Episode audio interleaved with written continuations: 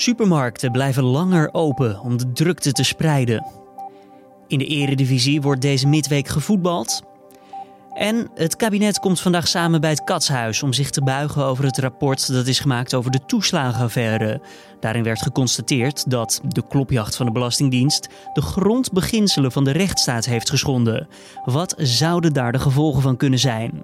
Dit wordt het nieuws als politici uh, dit al niet groot genoeg vinden, bijvoorbeeld om, uh, om op te stappen, wat is dat dan wel? Want hier zijn gewoon burgers uh, echt volledig in de knel gekomen door, door overheidsbeleid. Politiek verslaggever Edo van der Goot legt je straks uit welke last er op de schouders van dit kabinet rust. Maar eerst nog eventjes het nieuws van nu. Mijn naam is Julian Dom en het is vandaag dinsdag 22 december. Goedemorgen. Ook passagiersvluchten vanuit Zuid-Afrika mogen vanaf nu niet meer landen in Nederland. De regel geldt in ieder geval tot 1 januari volgend jaar en is ingevoerd vanwege de nieuwe variant van het coronavirus dat rondgaat. Eerder werden vluchten vanuit het Verenigd Koninkrijk al de toegang tot ons land ontzegd. Nederlanders die vastzitten door de maatregelen hoeven niet te rekenen op repatriëring, al dus minister Hugo de Jonge. We kunnen gewoon niet gaan repatriëren, nee. kunnen we echt niet aan gaan beginnen. Nee, maar voor die In mensen... coronatijd is reizen gewoon een risico. Dat moeten de mensen echt heel goed snappen. Oftewel eigen risico, al dus de minister bij het programma Op 1. Het coronavaccin van Pfizer is naar alle waarschijnlijkheid ook werkzaam tegen deze nieuwe variant van het coronavirus. Een topman van de farmaceut zegt dat er over twee weken duidelijkheid is. Gisteren spraken we in de Dit Wordt Het Nieuws podcast al met Erik Snijder. Hij is hoogleraar moleculaire virologie bij het LUMC. En ook hij beaamde dat het aannemelijk is dat het vaccin werkzaam is tegen deze variant en mogelijk ook tegen toekomstige varianten. Maar omdat er meerdere plekken zijn waar die antilichamen zich op richten, is het heel onwaarschijnlijk dat met een paar mutaties die hele immuniteit opeens niets meer waard zou zijn. En dat is ook de inschatting nu. Uh, dat het, het vaccin wat er nu is gewoon uh, zal werken en ook tegen deze variant uh, zal beschermen. Achterstallig onderhoud blijkt een van de belangrijke factoren waardoor de hangbrug in het Italiaanse Genua in 2018 kon instorten. Bij de ramp kwamen tientallen mensen om het leven. Eerder was al duidelijk dat sommige delen van de brug al 25 jaar niet onderhouden waren.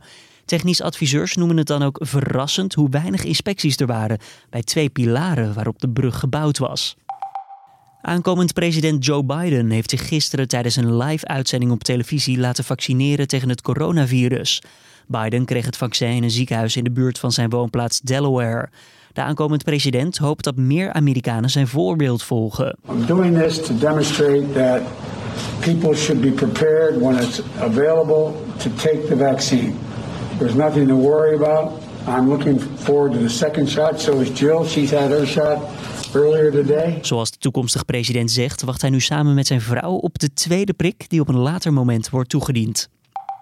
Op Curaçao worden de coronamaatregelen verlengd tot 11 januari. Daarover schrijft de Telegraaf. Daardoor is er ook een avondklok actief tijdens kerst en tijdens oud en nieuw. die avondklok gaat in vanaf 9 uur s avonds. Ook is er sprake van een alcoholverbod. Drie weken geleden werden er al strengere regels afgekondigd vanwege een flink aantal nieuwe coronabesmettingen. Inmiddels is er wel weer sprake van een daling van het aantal besmettingen. Gemeenten zullen strenger handhaven op winkels die bijzonder creatief omgaan met de coronaregels. Dat zegt minister Vert Grapperhaus van Justitie en Veiligheid en daarover schrijft het AD. Volgens de minister vinden sommige winkels het lastig om zich aan de bestaande regels te houden. En als voorbeeld noemt Grapperhaus dat een kraampje voor de zaak dus niet mag. Eén voor één een winkel betreden is ook niet toegestaan en ook winkelen voor privéklanten is verboden. Dan de toeslagenaffaire rondom de kinderopvang. Veel ouders kwamen in de problemen omdat zij ten onrechte als fraudeur werden behandeld en toeslagen moesten terugbetalen aan de Belastingdienst. De commissie onder leiding van CDA-kamerlid Chris van Dam kreeg de opdracht om een reconstructie te maken. Het resultaat was een snoeihard rapport waarin rechters, ambtenaren, de Tweede Kamer en ministers ervan langs kregen. Het kabinet komt vandaag samen op het Katshuis om zich over het toeslagenrapport te buigen. Een belangrijke vraag die daar behandeld zal worden: welke stappen onderneemt het kabinet en welke conclusies worden getrokken? Politiek verslaggever Edo van der Goot sprak hierover met collega Carne van der Brink. In het rapport werd geschetst dat de grondbeginselen van de rechtsstaat zijn geschonden. Wat bedoelen ze daarmee? Ja, wat, uh, wat ze daar precies mee bedoelen, uh, de, de, kern daarvan misschien is wel, uh, en zo staat het ook in het rapport uitgelegd, is dat bij het maken en het uitvoeren van de wetten dat er geen rekening is gehouden met de belangen van mensen. En dat is in ja, ontzettend veel schrijnende gevallen is dat naar voren gekomen. Ja, dat de wetgeving te hard was, te hardvochtig was. En ja, geen, totaal niet is omgekeken naar wat het met, met mensen in nood heeft, heeft gedaan. En dan gaat het vooral over de klopjacht van de Belastingdienst of ook hoe er uiteindelijk werd op gereageerd door de beleidsmakers? Nou, eigenlijk heeft in het rapport iedereen er wel verlangs gekregen. Dus de Tweede Kamer die uiteindelijk de wetgeving heeft goedgekeurd, het kabinet die de wet uitvoert. Uh, ook de Belastingdienst, uiteraard. Degene uh, die al dat, uh, ja, die, die wetten natuurlijk zo hardvochtig heeft toegepast, waardoor al die mensen in de knel zijn komen te zitten. Maar bijvoorbeeld ook de rechtspraak. er zijn ook een aantal uitspraken van, van rechters geweest, die eigenlijk, kun je nu wel concluderen, ook niet goed hebben gekeken naar de interpretatie van de wet. en dat er wel degelijk misschien ruimte had moeten zijn. Uh, om mensen wat meer lucht te geven. Die in, in, en in plaats daarvan zijn ze financieel afgeknepen. Dus eigenlijk is er geen instantie, geen overheidsinstantie uh, geweest of instantie met macht geweest die niet op de vingers is getikt.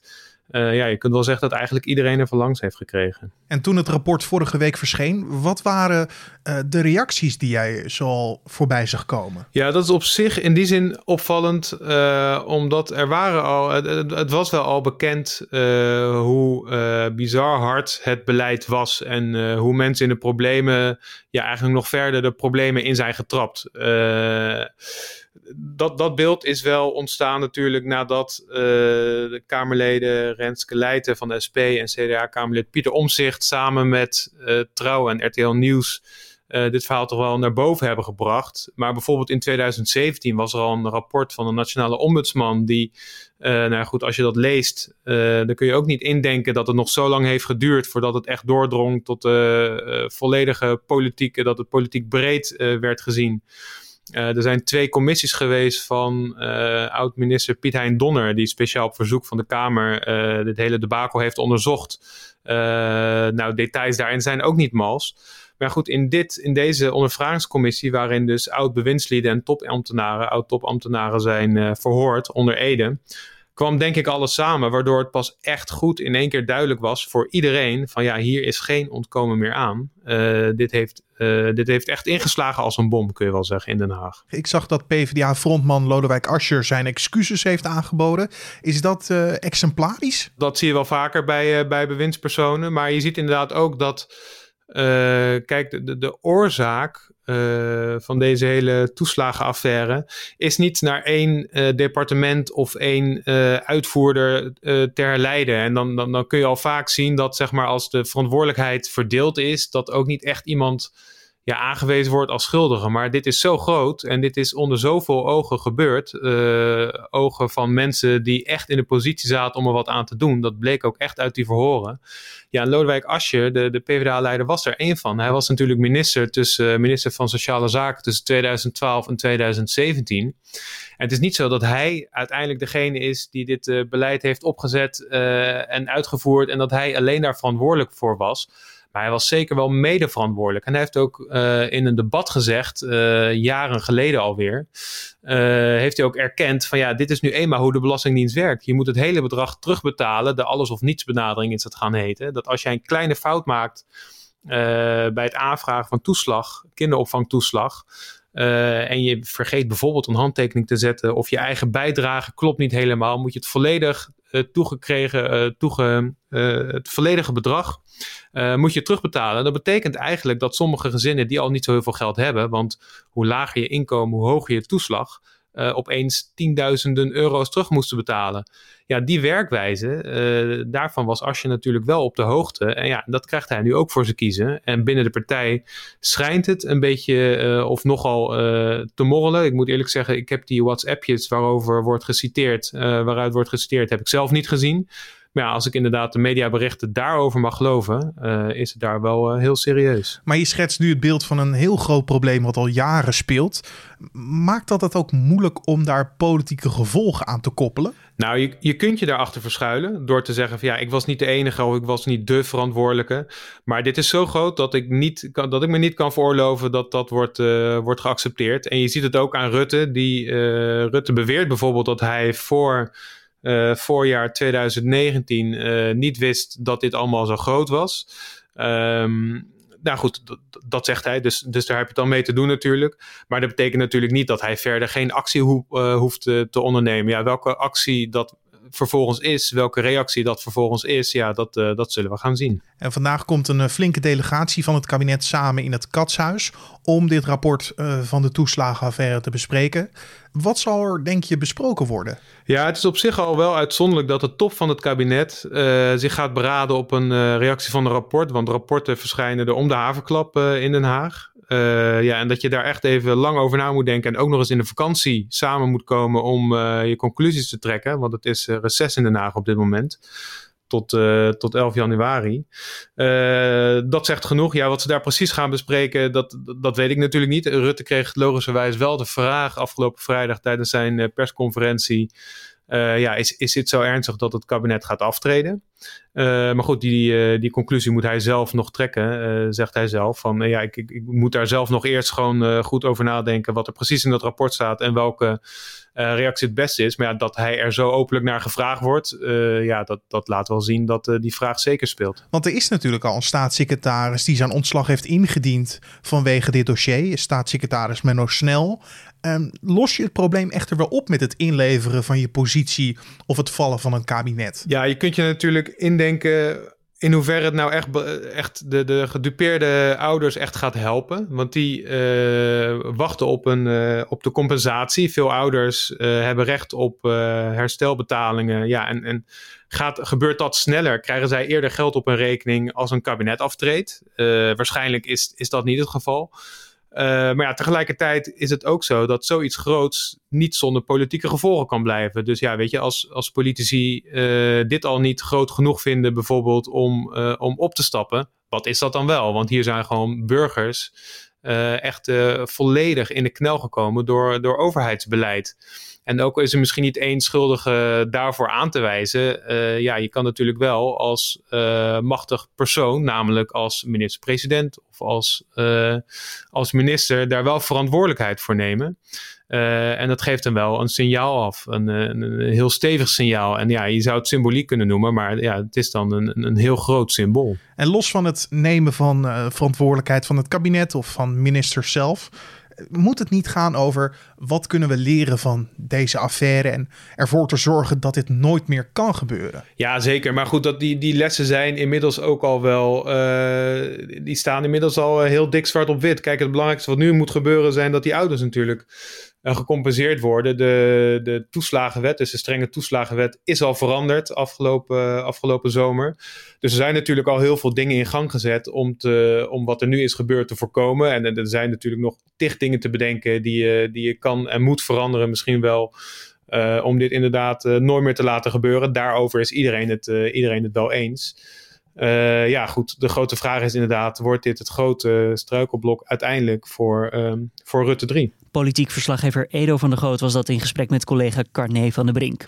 Dan nog de nieuwsagenda voor deze dinsdag. Het RIVM maakt om drie uur vanmiddag bekend hoe het gaat met het aantal coronabesmettingen in Nederland. We weten natuurlijk al dat er enorm veel besmettingen waren. Maar hoe erg het precies is, dat wordt vandaag bekend als we ook weten hoeveel mensen er in totaal een coronatest deden. Dat brengt het RIVM dus vandaag naar buiten. En mogelijk zegt het RIVM vandaag ook iets meer over de eventuele verspreiding van de Britse mutatie in Nederland.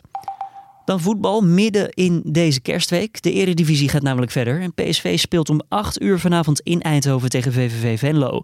En komt bij een overwinning op gelijke hoogte met koploper Ajax. De Amsterdammers die bezoeken overigens morgen Willem II en kunnen dan vervolgens weer drie punten uitlopen. Verder vandaag dan nog in de Eredivisie drie andere wedstrijden. Fortuna Sittard treft RKC Waalwijk al om half vijf smiddags. FC Emmen neemt het om kwart voor zeven op tegen FC Utrecht. En om negen uur vanavond is het tijd voor FC Twente tegen Sparta. Verder bereikt ook het kerstboodschappenseizoen deze dagen zijn hoogtepunt. En om de drukte dan te voorkomen, blijft een kwart van de Albert Heijn filialen daarom vandaag en morgen open tot middernacht. Ook andere AH-filialen en winkels van Jumbo, Coop, Dirk en Lidl hebben ruimere openingstijden.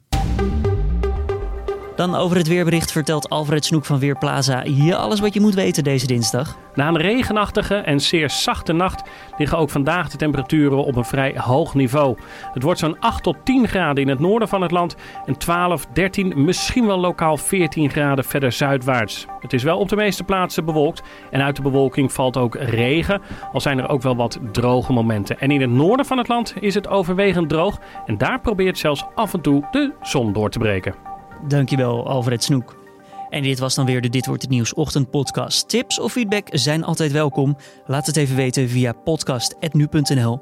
Mijn naam is Julian Dom. Vanmiddag is mijn collega Carne van der Brinker met de middageditie van deze podcast. En ik spreek je morgen weer. Tot dan.